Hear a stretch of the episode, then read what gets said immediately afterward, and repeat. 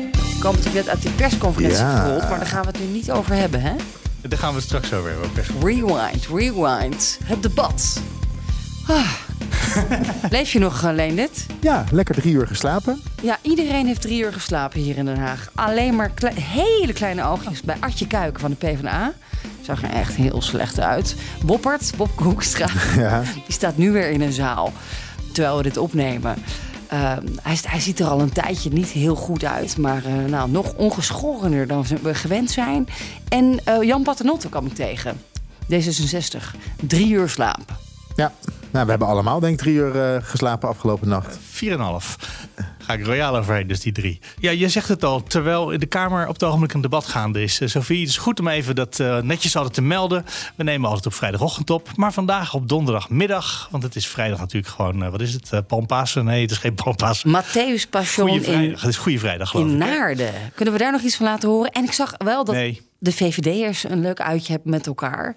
Mark Harbers eh, onder andere. Oké, maar ik doe nog even de administratie af. Dan hebben we dat gehad en dan kunnen we daarna de podcast gaan maken. Het is dus eh, Studio Den Haag van vrijdag 7 april met in de studio in Den Haag...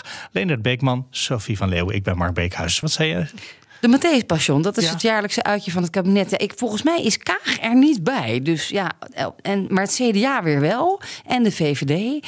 Dus, eh, of is hij eigenlijk nooit naar, bij, bij het uitje in Er Naarden? zijn verschillende voorstellingen. Je kan een Ja, voorstelling, je kan naar, verschillende ja, naar Leiden kan je gaan. Ja. Je kan naar Naarden gaan. En dan hebben ze nog Misschien wel eentje. Den Haag eentje, het zou kunnen. Nee. Nou ja, er zijn in ieder geval meerdere opties. Dus je, misschien Ja. zitten ze niet in dezelfde zaal, maar Dus- wel naar hetzelfde te luisteren. Dus het zegt niks over de sfeer in het kabinet. Of Nee, gezellig Vorig samen. jaar was het nodig voor Van Rij om op Goede Vrijdag de parlementaire pers naar Den Haag te halen. Voor de Matthäus Passion. Om te spreken over de oplossing voor box 3. Hey, Dat moest toen op Goede Vrijdag. nou, we zijn nu een jaar verder. En is helemaal opgelost. Nee, nou, nee dus. maar je zou maar vier uur lang naast elkaar moeten zitten. Bijvoorbeeld Wopke Hoekstra naast Sigrid Kaag. Dat hou Misschien je zijn toch die niet mensen vol? wel heel blij dat ze in ieder geval eens een keertje vier uur naast elkaar zitten zonder dat ze hoeven te praten. Want als ze Ze eenmaal gaan toch praten. gisteren, ze hebben toch gisteren 14 uur lang Ja, naast is- elkaar gezeten zonder met elkaar te Ja, praten. er werd af en toe werd er wel gebabbeld hoor. Dus Ja. eh, on- onderling. Eh, Maar wat we nu wel weten, als je deze mensen met elkaar in een kamer zet en je doet de deur dicht om tot oplossingen te komen, dan komt er ruzie en dan komt er een probleem. En dan komen ze er niet uit. Of het is versnellen en pauzeren. Oh nee, pauzeren mogen we niet meer zeggen. Nee, wat was het dan in plaats van pauzeren? Stoppen. Ja, heronderhandelen. Oh ja. Dat blijkt helemaal geen woord te zijn. Of eigenlijk gewoon openbreken. Openbreken van het coalitieakkoord. Er is natuurlijk iets heel bizars gebeurd vorige week. Jij was in Den Haag, Sophie. Ik deed de Friday Move in Amsterdam met Wilfred Gené. Oh, die persconferentie. Ja, die persconferentie, maar überhaupt de hele vorm waarin dit gebeurd is. Het coalitieakkoord behoort tot de fractievoorzitters. Zij horen daar iets over te vinden. Nu zijn de vicepremiers en de premier bij elkaar gekomen. Hebben daar toch wel op het ministerie en ook in de ministerraad zitten praten over partijpolitiek. Vervolgens ook over partijpolitiek. En over hun partijen en hun standpunten na de ministerraad de pers woord gestaan in het ministerie van Algemene Zaken. Dan hebben we deze week ook nog een debat gezien waarin eh, de, vanuit vak K de ministers eh, over hun partijen aan het praten waren.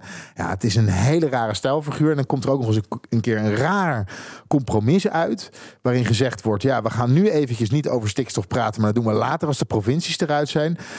Ik was dus in Amsterdam en ik had twee vrienden uitgenodigd bij de Friday Move. En zij, we gingen de persconferentie kijken. Zeiden, nou, ik snap dit niet. Ik snap wel wat ze zeggen, Ja. maar ik snap niet wat hier gebeurt. Het zijn geen domme mensen. En ik denk dat dat een, eh, dat het een goede samenvatting is van hoe de rest van Nederland er ook Oh, naar dat kijkt. is grappig, want ik gooide dit op Mastodon, eh, weet je wat, alternatief voor Twitter. En eh, daar kwamen mensen die zeiden, oh, dit is vast een hele goede samenvatting van wat er net allemaal gezegd is, maar ik snap er niks van. Ja. Dus die snapt het inhou- ik snap het inhoudelijk ook niet, maar ik had het wel redelijk letterlijk geciteerd. Volgens mij, het was ook niet te volgen toch, maar het was toch expres. Dat is een van de, een van de stijlvormen, stijlfiguren van Mark Rutte. Dat als hij vindt dat mensen het niet helemaal moeten snappen, dan kan die dingen eindeloos herhalen op een totaal incongruente, onbegrijpelijke brei van woorden. Eh, net zolang tot iedereen stopt met vragen stellen. Dat is volgens mij wat hij eh, als soms doet. Uh, gewoon expres, bewust. Maar ze hebben gesproken over de, de onvrede in de samenleving. Ja, en, die avonden vorige week. Ja, en, natuurlijk ook in de middag bij de ministerraad. Ja. En in het Kamerdebat. Het gaat over de onvrede in de samenleving. en de problemen die niet opgelost worden. Ze ja, zouden een persconferentie na de ministerraad doen, maar die kwam helemaal niet. Nee, maar het was echt... Sofie was erbij. Dit was uh, niet gepland zoals het gegaan is. Daar vertelde Sofie. En normaal nou, gesproken staan wij daar. Dat is nu een week geleden, maar het was een soort... Het was eigenlijk een, een, een crisissfeer die steeds, steeds meer werd opgeblazen. Ook in het journaal. We zaten met z'n allen in nieuwspoor. Gingen we maar met het dineren met, met de collega's van de parlementaire pers. En ondertussen appen van wat gebeurt daar binnen. Wat, en, en ook met de partijen. Um, totale verwarring en onduidelijkheid. En na een paar uur denk je, zou het dan toch gaan klappen? Dat is echt wat we. Hè, wat we... Dat is wat Leonard al heel lang zegt. Waarvan jij zegt: nee, joh. En ik denk, die ik ga, wijn, die ga je winnen. Niet die weddenschap verliezen. Ja, dat bedoel ik. Ja, een uh, bevriende persvoorlichter die zei: uh, Oh, dit is pre-demissionair. Vond ik dacht, prachtig mooi. Dat je dan zeg maar wel gevallen, maar dan de fase daarvoor. Dat mensen het nog niet helemaal doorhebben. Ja. Nou ja, achter de schermen wordt er heel veel gesproken hier in Den Haag. Van ja, ook uh, waar kijken we nou eigenlijk naar? Zowel vanuit de oppositie. Wij zeiden vorige week, waar kijken we naar? Ja, nou, waar, ja, waar kijken we nou eigenlijk uh, waar kijken we naar? Wat, wat gebeurt hier? Nou, het is heel makkelijk om woordvoerders vanuit de oppositie te spreken. Hè, want daar praten wij veel mee. Maar deze week was het toch wel lastig om uh, de woordvoerders vanuit de coalitiepartijen te spreken. Tijdens het vragenuur kon dat wel, waren ze aanwezig. En, uh, maar maandag bijvoorbeeld heb ik hier door het gebouw uh, heb ik gelopen op zoek naar, naar, naar woordvoerders. Ik zeg niet dat ze expres weg waren, maar, maar ze, stonden ook niet, ze stonden ook niet in de rij om even te, uit te leggen van ja, hoe, wat, wat is hier nu precies gaande. Nou ja, ik sprak net dus toch even Jan Paternotte met zijn kleine oogjes en drie uur slaap. En die zei tegen mij, want eh, ja, ja we proberen de boel, bij elkaar te houden. Hè. Ze hebben er geen belang bij om nu te vallen. Want dan krijg je verkiezingen en dan wint Kerner van de Plas waarschijnlijk. In ieder geval, dat, dat willen ze dus niet. Maar hij zei wel, kijk, maar ja, ze moeten met, bij het CDA met wel iets heel bijzonders komen om, uh, om hier samen uit te komen. Ja, dus hij iemand stelde gisteren in het debat de retorische vraag... denkt het CDA werkelijk dat door dat hele rare debat van gisteren... en door die persconferentie van vorige week zat er impliciet onder... ik denk dat het Azarkan was... Uh, dat daardoor de kiezers echt bij het CDA terug zullen komen. Dus wat dat betreft kan je het wel uitstellen... maar dan gaat de situatie niet veranderen dat is een beetje de, de, de, de mededeling van die vraag. En ik snapte die wel. Ja, wat gebeurt er nu eigenlijk? Dat is de vraag. Hè? De, het coalitieakkoord wordt op termijn uh, opengebroken. Zal ik een, een fragmentje van, uh, van het debat laten horen van gisteravond?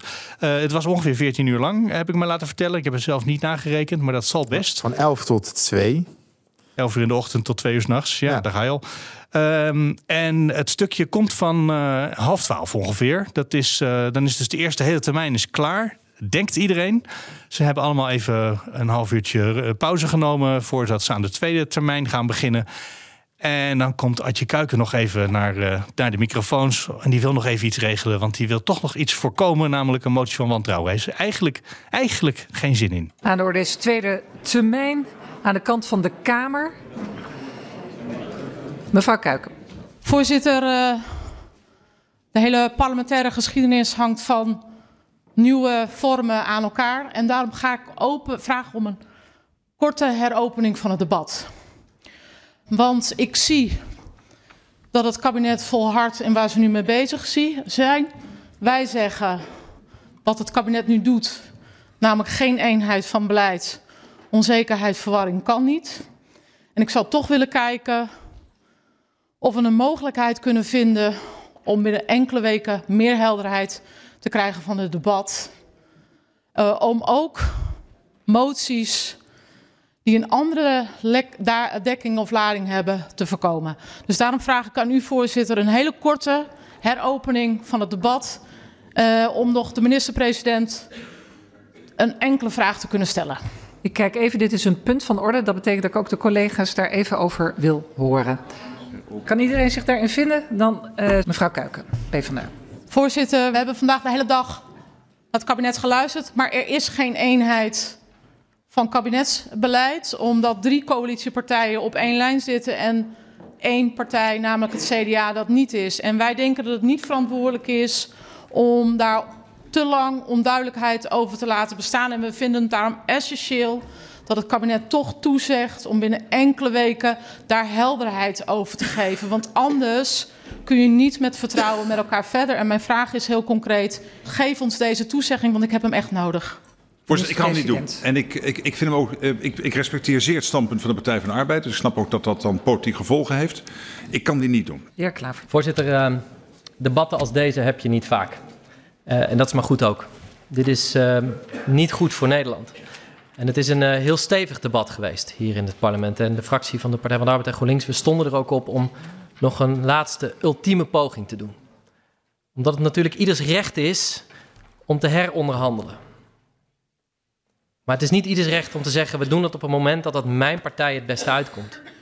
Er is nu geen eenheid van kabinetsbeleid. Er is geen duidelijkheid over wat dit kabinet wil met het stikstofbeleid. Dat heeft consequenties voor wat er nu gebeurt in de provincies. Dat heeft consequenties voor het vertrouwen dat mensen kunnen hebben in de politiek. En het is daarom met enige droefheid dat ik de volgende motie indien. De Kamer, gehoord de beraadslaging, zegt het vertrouwen op in het kabinet en gaat over tot de orde van de dag. Mede ondertekend door collega Kuiken, Van der Plas, Ouwehand, Assekan, Wilders en Omzicht. volgens mij is dit een uh, hele compacte samenvatting van een debat wat uh, dus die 14 uur lang duurde. Um, Klinkt een beetje als de, de begrafenis van het kabinet Rutte 4. Ja. Volgens de oppositie dan. Hè? Wij zaten gisteren met Leonard Ornstein hier te eten in het ja. restaurant. Uh, Leendert, uh, hier in het restaurant van de Tweede Kamer. En die zei: De titel van deze aflevering zou eens kunnen worden: Het aftellen is begonnen. Ja, wat wel grappig was, ja, hij is titel. journalist. Ja, fantastische titel, maar dat is ook de titel van een column die hij jarenlang zelf geschreven heeft. Dus met, dat is ook een beetje voelt ongemakkelijk. Met Max van Wezel heeft hij die column geschreven. Zeker. Legendarisch. Ik, ik, ga naar huis. Uh, ik kom Jan Hoedeman van het AD tegen, ook journalist hier. Ik praat met hem over de situatie. Ik zeg van, nou, wat verwacht jij? Hij denkt dat het kabinet de rit uitzit. Ik zei, ja, dat wordt toch lastig. En toen haalde hij dus de column aan. Aftellen is begonnen. Lubbers 3 vertelde die. En de column was begonnen, maar het kabinet heeft de rit uitgezeten. Dus ze zijn wel gaan aftellen. Maar het kabinet is nooit gevallen. Ja, maar dat, ze vonden die titel heel vervelend, heeft Ornstein ons wel drie keer bezworen. Ja. Toch, wat er hier maar, gebeurt, doet mij wel heel erg denken aan de tijd dat ik nog als raadsverslaggever in de Leidse regio aan het werk was. Ja. En dan wil ik een vergelijking maken tussen Leiden en Oesgeest. In Leiden werd de vergadering geleid door de burgemeester die nu weggaat. Langzittende burgemeester van Nederland, in uh, Lemfrink. Ging altijd heel heel erg ordentelijk ging dat eraan toe. Precies zoals het hoort, via de, zoals de regels zijn. Als je in Oesgeest kwam, ja, dan maakte je de gekste dingen mee. Rare uh, schorsingen, uh, wethouders die over een partijpolitiek gingen praten. Nou, noem het allemaal maar op. We zien dit nu ook. We zien een debat waarop het einde gezegd wordt... laten we de eerste termijn maar weer openen. Dat wordt goedgekeurd. Het kabinet vanuit vak net besproken, over partijpolitiek praten. Een rare, hangt er nu boven de, de lucht... een rare constructie waarin het op termijn het coalitieakkoord opengebroken wordt. Kortom, het is ja, amateurisme. Eigenlijk amateurisme. het regeerakkoord staat en is doorgescheurd. Hè? Dat is, uh, ja. uh, iemand zei het is kwantummechanica, dit. Met een uh, levende dan wel dooiende kat in een doos. Maar ja, wat ik dus bij deze 60 hoor op de wandelgang is... ja, we moeten eigenlijk moet er een hele creatieve oplossing komen. Schooidingers. Van out of the box. Ja. Om die twee op de ene of andere manier door één deur te kunnen laten van Schrödinger uit de doos. Out of the box. Ja, ik heb hem nog niet gevonden. Jullie wel? Jij was nog bij een nee, klimaat... We moeten, we moeten wachten bij, uh, tot het CDA met iets komt, toch? Ik bedoel, nou, ja. Alles staat zoals het is. Dat is misschien wel de, wat ik deze week geleerd heb over hoe Mark Rutte werkt. Die, die zit heel erg in de modus dat als het niet zeker is dat er iets is... Dat was mij eigenlijk nog nooit zo helder gevallen. Maar als het niet helemaal zeker is dat iets één kant uitgaat of dat er bepaalde feiten zijn, dan bestaat het niet. En dan kan hij er geen rekening mee houden in zijn hoofd. Wat hem heel flexibel en lenig houdt in allerlei uh, crisis, denk ik. Waardoor hij altijd zich er weer uitkomt. Ja, dan staat er gewoon zo'n muur waar die oppositie maar tegenaan blijft beuken. Maar die ja. muur die is gewoon potdicht. Precies. En hij zegt dat ja, ik, hou, ik kan geen als-dan vragen beantwoorden. Maar het is nog net één stapje erger. Nog eentje fundamenteler, denk ik. Uh, autistischer, zou je ook misschien wel mogen zeggen. Bijvoorbeeld, uh, je weet dat het CDA vroeger of later het uh, regeerakkoord ter discussie gaat stellen. Ja. Je weet niet op welke datum. Tegelijkertijd moet er een wet komen. Die is aangekondigd dat die voor de zomervakantie gaat komen. Uh, waarin de stikstofwet, de, waarin de stikstof allemaal geregeld is, de stikstofwet. En die gaan natuurlijk door elkaar heen lopen als je voor de zomervakantie ook de CDA-onderhandelingen hebt. En Mark Rutte zegt, nou, maar ik heb het CDA nog niet aan mijn bureau gehad waarin ze zeggen we gaan onderhandelen.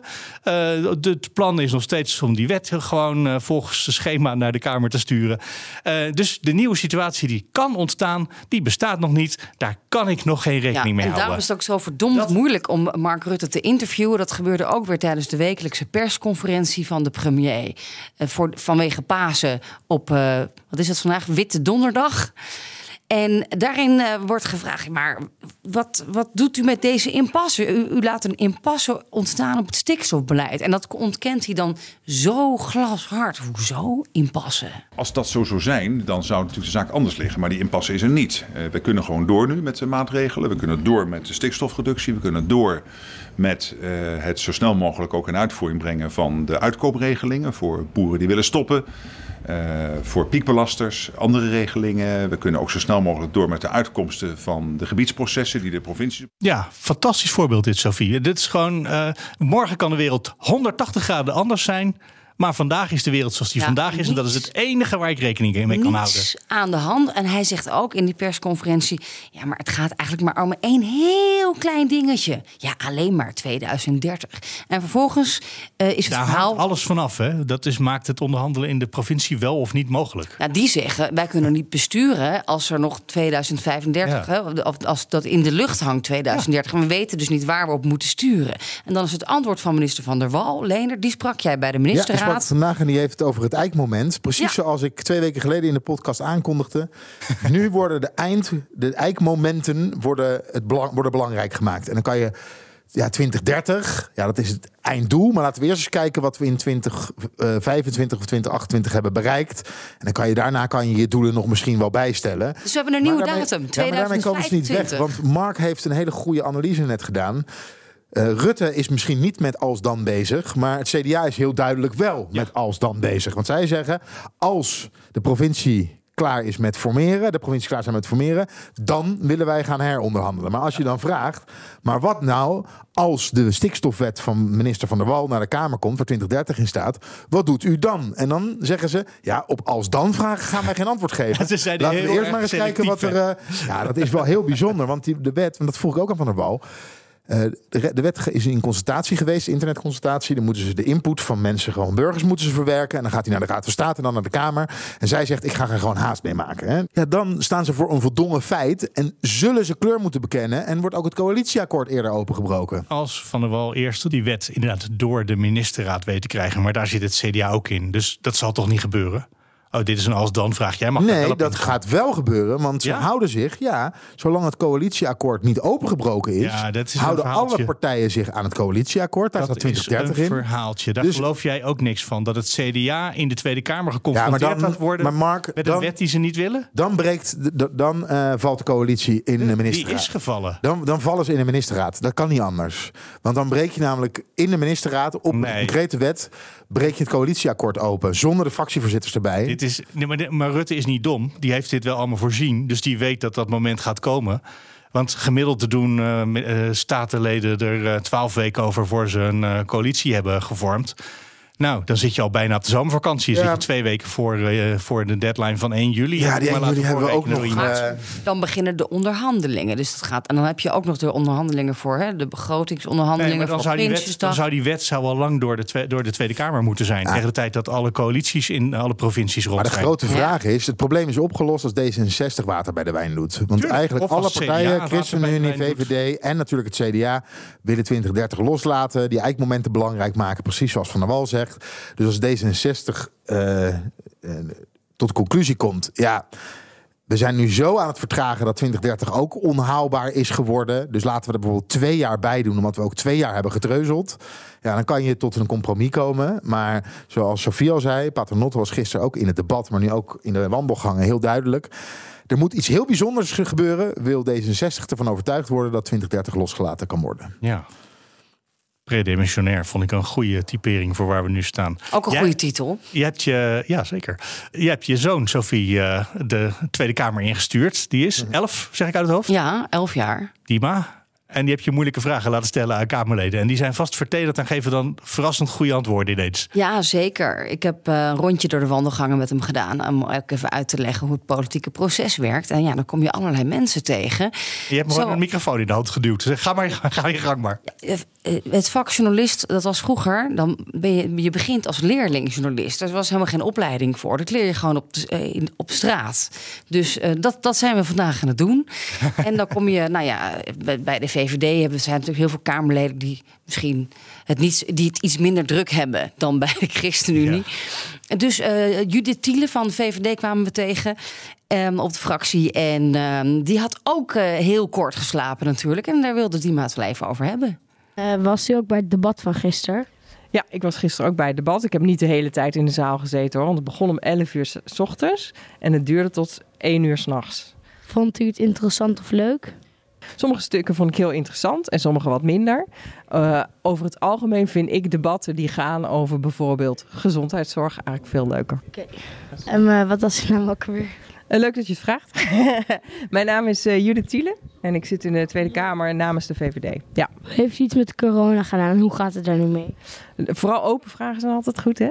Hoe het gaat met corona. Op het moment is corona niet meer zo'n heel groot ramp.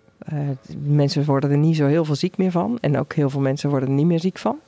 Uh, dus in de Tweede Kamer is het nu niet zo'n groot onderwerp meer, corona. Maar uh, het is het wel geweest.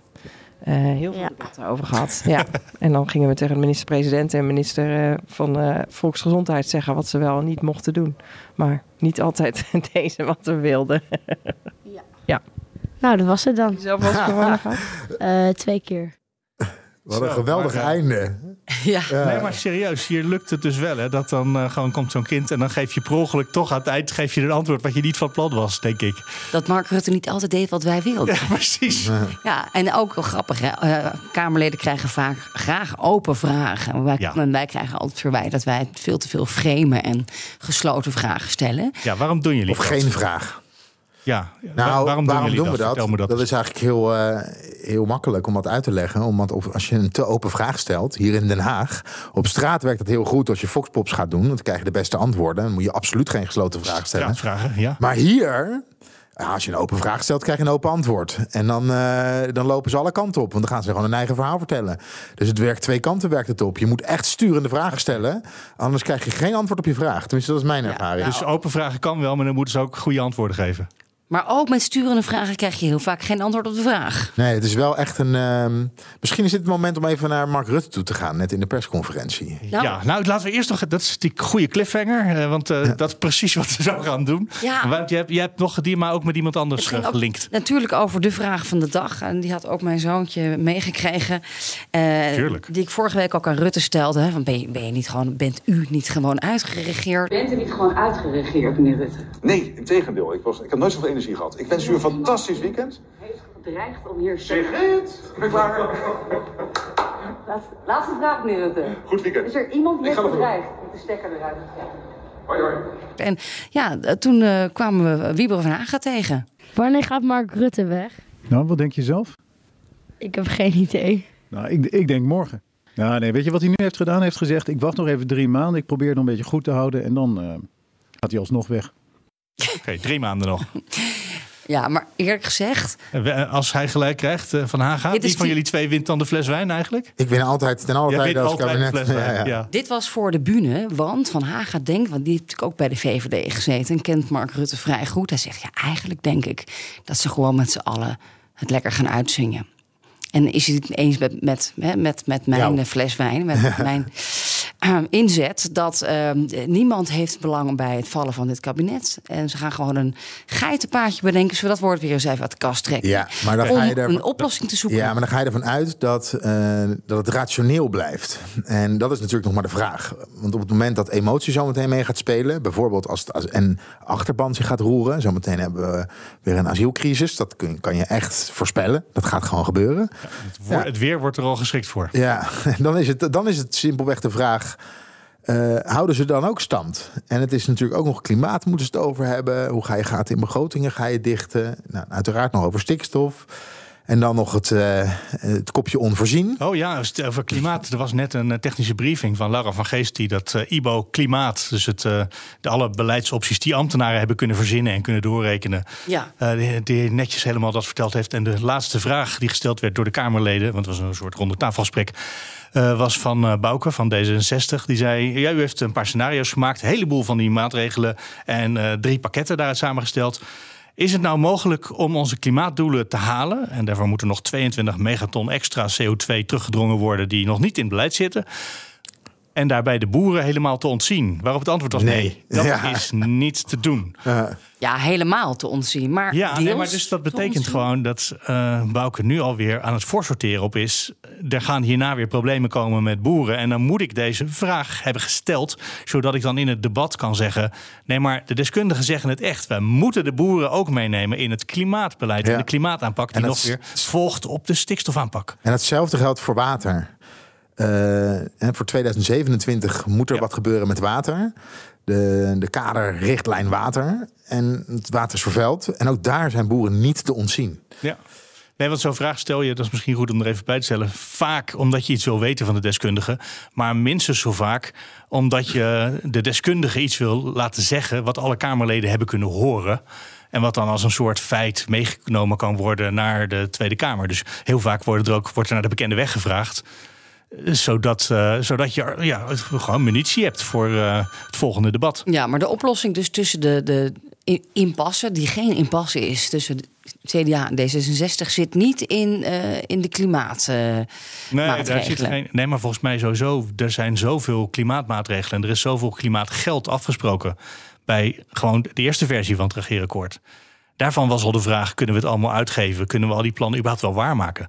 Dus voor D66, ik heb ze niet gevraagd. Maar ik kan me gewoon niet voorstellen dat je die gelukkig maakt met nog meer maatregelen en nog meer geld. Waarvan je dan al bijna zeker weet dat je er niet aan toe komt om het uit te geven in de komende twee jaar. Ja, nou, Dus dat is geen wisselgeld voor, eh, voor stikstof. toch maar eh, 2032 dan. Ja, dan terug naar de cliffhanger. Jij had Ja, zei, eh, Leendert, de eh, persconferentie. geeft niet altijd antwoord op vragen. Nee, nou, zei je dat? Ja, ook dat zei eventjes, je. eh, ik ging richting de persconferentie en ik moet eerlijk toegeven, ik doe veel op intuïtie. Dus ik ga daar zitten en dan eh, op dat moment komt me, komt me de vraag ineens komt bij me. Maar ik heb, een, ik heb een open vraag gesteld volgens mij. En ik zat daar en eh, bezwaar, het wordt vaak tegen journalisten gezegd, jullie zitten te veel in de Haagse bubbel en dan ook eh, meepraten in, eh, in, in, in het jargon van Den Haag en meedenken in de denkstructuren van Den Haag. En ik probeerde hem even te verplaatsen in de kijker, hè, want het wordt ook altijd uitgezonden op eh Politiek ja. 24. Wacht, de kijker, de En kijker. voor ons dan de luisteraar, want we gaan het nu laten horen. De burger. met de vraag van, ja, waar hebben we nou eigenlijk naar zitten kijken? Wat is er nou opgelost?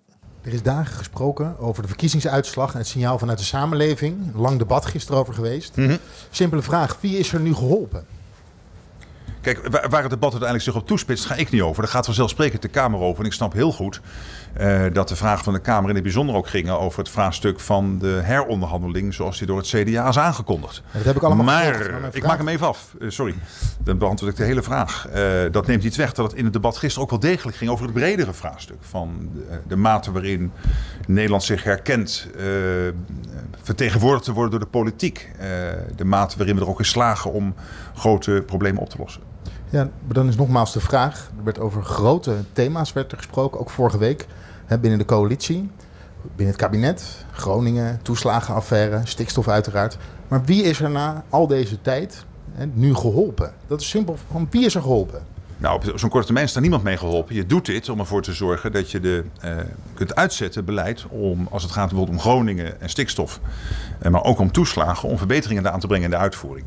Om wel tegelijkertijd vast te stellen dat heel veel dingen wel lukken. Eh, alle maatregelen nodig zijn voor de hervorming in het onderwijs, onze veiligheid, onze defensie, de terugdringing van de CO2-uitstoot. Op al die vlakken liggen we op schema. Maar ik begreep toch goed dat jullie met elkaar aan tafel zijn gaan zitten, omdat er een signaal vanuit de samenleving was gekomen. Maak vaart met de grote vraagstukken die er op dit moment voor liggen. Er moesten oplossingen gaan komen. Dus nogmaals de vraag. Dus wie heeft eigenlijk gezegd, niemand is geholpen. Wat hebben we dan de afgelopen tijd gezien? Je kunt niet eh, twee weken na de verkiezingsuitslag alles meteen weer goed trekken. Wat je moet doen is eerst de analyse maken. De analyse die we hebben gemaakt is langs twee lijnen. Ten eerste eh, dat er een fundamentele discussie in Nederland gevoerd wordt over de vraag of de politiek in voldoende mate is voor de samenleving. Uh, dat raakt bijvoorbeeld aan uh, vraagstukken rondom stad-platteland, maar ook vraagstukken binnen de grote steden of in staat zijn die goed aan te pakken. En dat heeft ook weer te maken met uh, heel specifiek beleid wat je daarop voert. En het tweede is de uitvoeringskracht. en dan gaat het inderdaad over die hele grote onderwerpen zoals Groningen, het, stik, het kinderopvangtoeslagschandaal, stikstof. Uh, daar hebben we over gesproken. Het is niet zo dat als je dat bespreekt, dat je dan ook meteen de oplossing hebt. Als dat was, hadden we het ook voor de verkiezingen gedaan.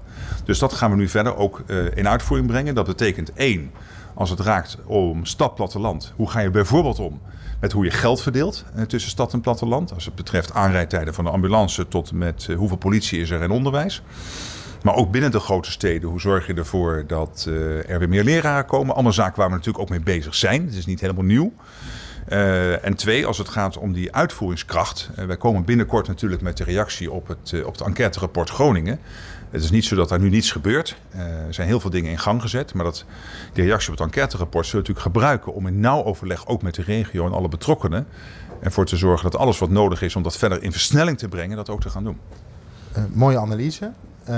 maar na al, hè, na al het praten met elkaar, kunt u één concreet voorbeeld geven van een onderwerp of een probleem in de Nederlandse samenleving waarbij u echt een stapje verder bent gekomen. Gewoon één Nee, dat doe ik niet, voor... want dat kan niet in twee weken. Als dat zo was, had je het voor de verkiezingen gedaan. Dus je maakt een analyse, wat is het probleem?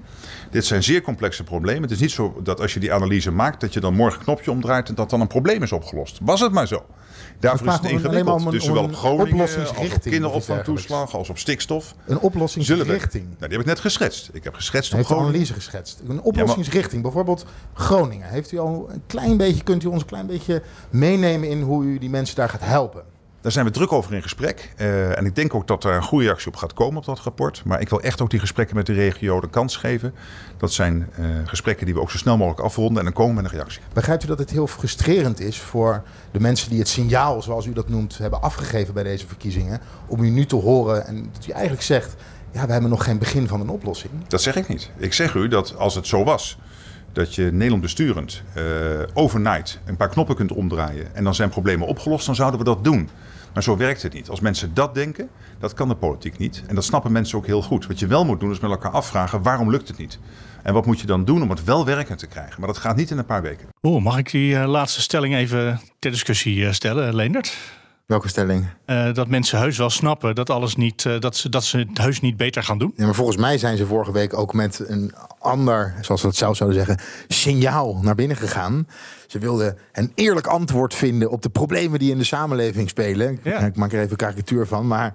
Uh, en ze, zijn en ze zouden toch. 2030, 2035 ja, zijn. En er is een heel debat over gegaan. En het was toch wel het idee om uh, op de grote vraagstukken toch wel, um, ja, in ieder geval uh, met ideeën te komen. Ja. Hoe gaan we daar nou mee om? We hebben een jaar geleden hebben we uh, de, de 1 april debat gehad. Wat was het 1 april? Nee, twee jaar geleden alweer. Twee jaar ja. geleden. Toen zou ook alles anders en een nieuwe bestuurscultuur. Uh, de regering was al een keer gevallen over de, de kinderopvang toeslagen. Toen zou daarna ook alles anders en alles beter worden.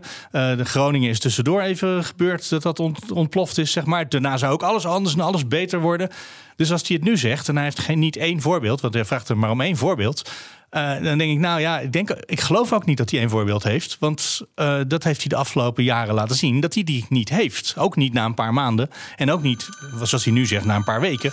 Maar na een jaar nog steeds niet. Toch, als je, als je Rutte niet kent en je kijkt hiernaar, dan zou je kunnen denken: dit is een mislukt interview. Want hij geeft hele redelijke antwoorden. Ja, je kan niet in, uh, in een week, hè, als mensen een week met elkaar rondom een tafel gaan zitten. Ik vind het ook geen. Als, het, als hij goede antwoorden geeft op jouw vragen, is het geen mislukt antwoord. Want uh, geen mislukt interview. Want dan schetst hij gewoon, dan schetsen jullie met z'n tweeën het beeld van de situatie. Maar vind je dat hij de situatie recht doet? Nee, dat is mijn. Dat is mijn, uh, mijn want ik probeer natuurlijk. Ik probeer hem. Ik, het mooiste zou geweest zijn als hij daadwerkelijk zou zeggen: Ja, we hebben één mooi concreet punt. We gaan een fonds instellen voor Groningen. Ze hebben om 20 miljard, geloof ik, gevraagd. Dat stoppen we erin. Dat gebeurde niet. Uh, maar hij gaat een proces uitleggen. En nou, natuurlijk heb je zulke grote problemen niet van de een op de andere dag opgelost. Nee. En als je Mark Rutte voor het eerst zou zien en je zou de politieke situatie hier niet kennen, dan zou je denken: ja, die journalist, wat stelt hij nou voor gekke vragen? Nee, natuurlijk niet. Er zijn zulke grote problemen in de samenleving. Hoe kan je nou van iemand vragen dat hij dat van de een op de andere dag en met één debat oplost?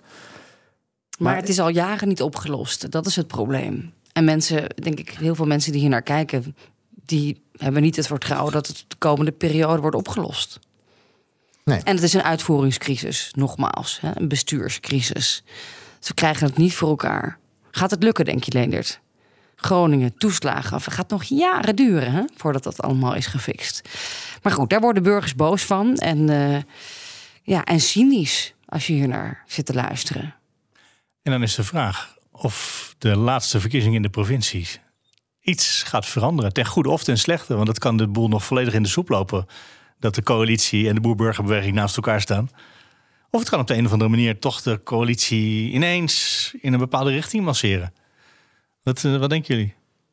Nou, ja, ik denk zolang eh, dus in die provincies, daar zie je partijen als het CDA eh, goed samenwerken met BBB natuurlijk. En misschien ook de VVD. Ja, maar de CDA is daar ook irrelevant geworden.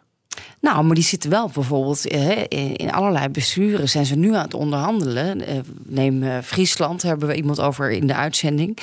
Eh, met, met dus de gevestigde orde, die daar al jarenlang bestuurt. En ze, dus die gaan samen eh, tot afspraken komen die ja, eigenlijk indruisen tegen wat D66 wil. En daardoor ontstaat een, een nieuwe realiteit. Nou, er is natuurlijk ook een hele rare realiteit, omdat de wet niet aangepast is. Dus je zou aan de ene kant kunnen zeggen, op het moment dat alle provincies terugkomen, dat verwacht ik, met we gaan eh, de doelen voor 2035 stellen, dan kunnen ze wijzen naar de wet en hebben ze volstrekt gelijk. Maar er wordt natuurlijk van hen gevraagd om beleid te maken op ehm 2035, omdat namelijk 2030, ja. Eh, 2030, 2030, omdat Voor jou is het ook een korte nacht ja, geweest. Omdat het coalitieakkoord hè, eh, en tot nog toe alle plannen van Van der Wal naar 2030 toewijzen. Ehm, en dan kan je zeggen, ze, zijn, geen, eh, hè, ze, zijn, ze gaan eigenlijk in tegen het beleid van het kabinet. Maar dat is natuurlijk niet helemaal waar. En aan de andere kant hè, is is dat wel het- waar. Ja, precies. Dit is, Dus- ik kon, dus die eindelijk kon ik gebruiken. Toch weer. eh, Die verwarring van af- afgelopen vrijdag op die persconferentie, dat was gewoon een hele terechte verwarring. Ja, en Het is gewoon 2030 had natuurlijk al lang anders. in de wet moeten staan. Dat had al lang in de wet moeten staan. Want Ja, maar dat kon niet. dit kon je zien aankomen. niet. En die wilde dat al heel lang niet, want die vlaggen die hingen al een hele tijd ondersteboven in het hele land. Dus vanaf dat ogenblik werd dat lastig voor het CDA in elk geval. Ja, maar ze hebben zichzelf zo eh, echt in de nesten gewerkt. Want wat ook nog eens een keer het probleem is, dat volgens de voorstellen zoals ze er nu liggen, het geld om boeren vrijwillig uit te kopen voor de provincies pas vrijkomt op het moment dat je je houdt aan het beleid zoals dat op dit moment gemaakt wordt vanuit LNV. En dan gaat het toch echt over 2030. Dus Maar het is dat- allemaal heel ingewikkeld. Daar is minister Kager niet mee eens. Want die zei nog heel laat in het debat... nee, het gaat erom dat het doelmatig is. Of rechtmatig, wat zei ze eigenlijk. Maar dat doen we al jaren zo. En dus niet zo Dus dat die het wilde daarna... daar wel eh, mee marchanderen. Ja, Ja, dan, dus- hebben we alvast, ja, dan ja. hebben we alvast ruimte. Hè? Dan, eh, dan staat er ruimte. Ja, Ik nog even, want dit is, we zitten weer over stikstof te praten. Oh, we En zouden het over burgers komt- hebben. Zoals iemand dat gisteren zei, stikstof komt mijn neus uit. En dat is letterlijk, want als je het in- en uitademt, dan zit er stikstof tussen. Maar gisteren ging een flink stuk van het debat ook over eigenlijk iets staatsrechtelijks. Namelijk over de eenheid van kabinetsbeleid.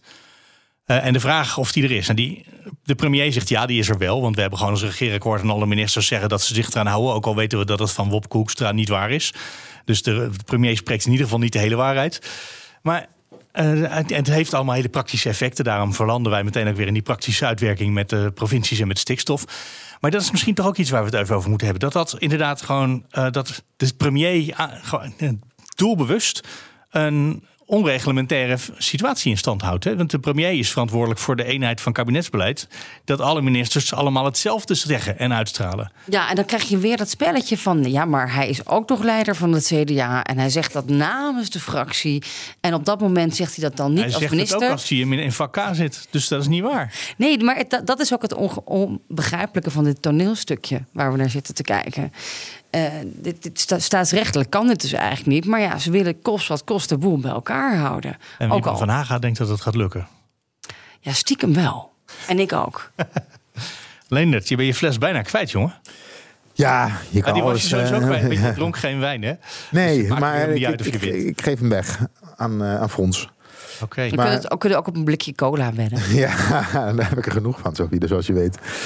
Ja, waar zitten we nou naar te kijken? Ondertussen, ehm, ik denk dat een, een nieuwe crisis, dus een bestuurscrisis, nou, die hebben we eigenlijk al, dat het helemaal niet goed is voor het land. Maar we zitten nu wel met een kabinet Ja. dat ja, echte problemen niet meer oplost. Maar dat is de, de vraag die je nu opwerpt, vind ik wou eigenlijk afronden. Maar die is toch ook: is het land nou meer gebaat met een bestuurscrisis Nou, die aanhoudt, of met een bestuurscrisis die gewoon even explodeert en doorgaat naar iets anders?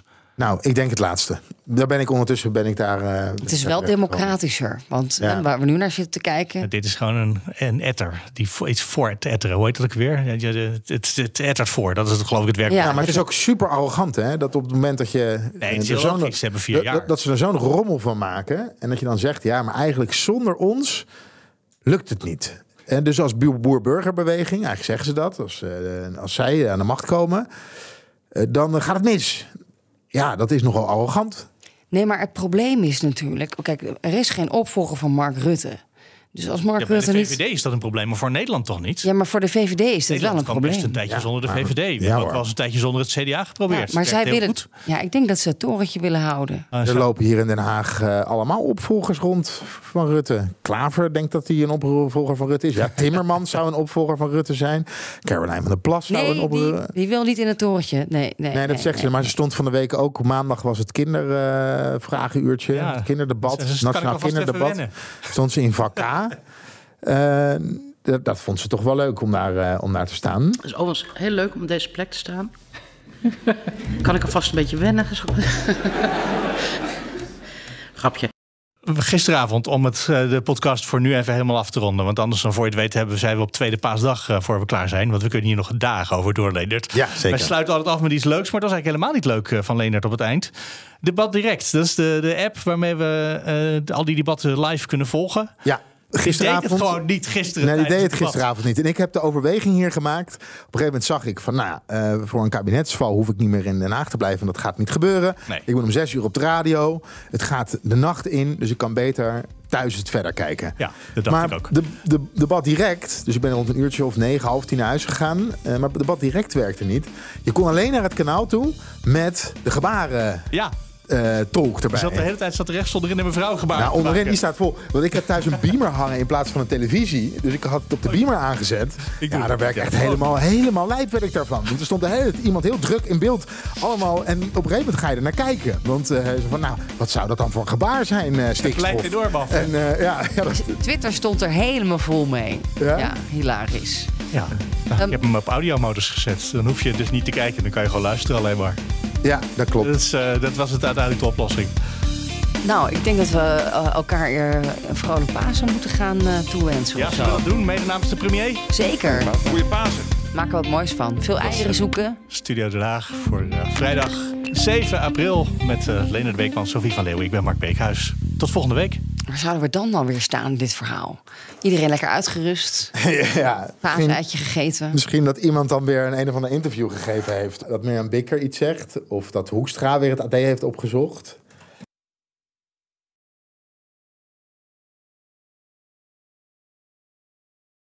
Ook Diana Matroos vind je in de BNR-app. Ja, inderdaad. Je kunt live naar mij luisteren tijdens de Big Five. Ook handig in de BNR-app. Breaking nieuwsmeldingen, maar ook het allerlaatste zakelijke nieuws. En je vindt in de app alle BNR-podcasts, waaronder Wetenschap Vandaag. Download nu de gratis BNR-app en blijf scherp.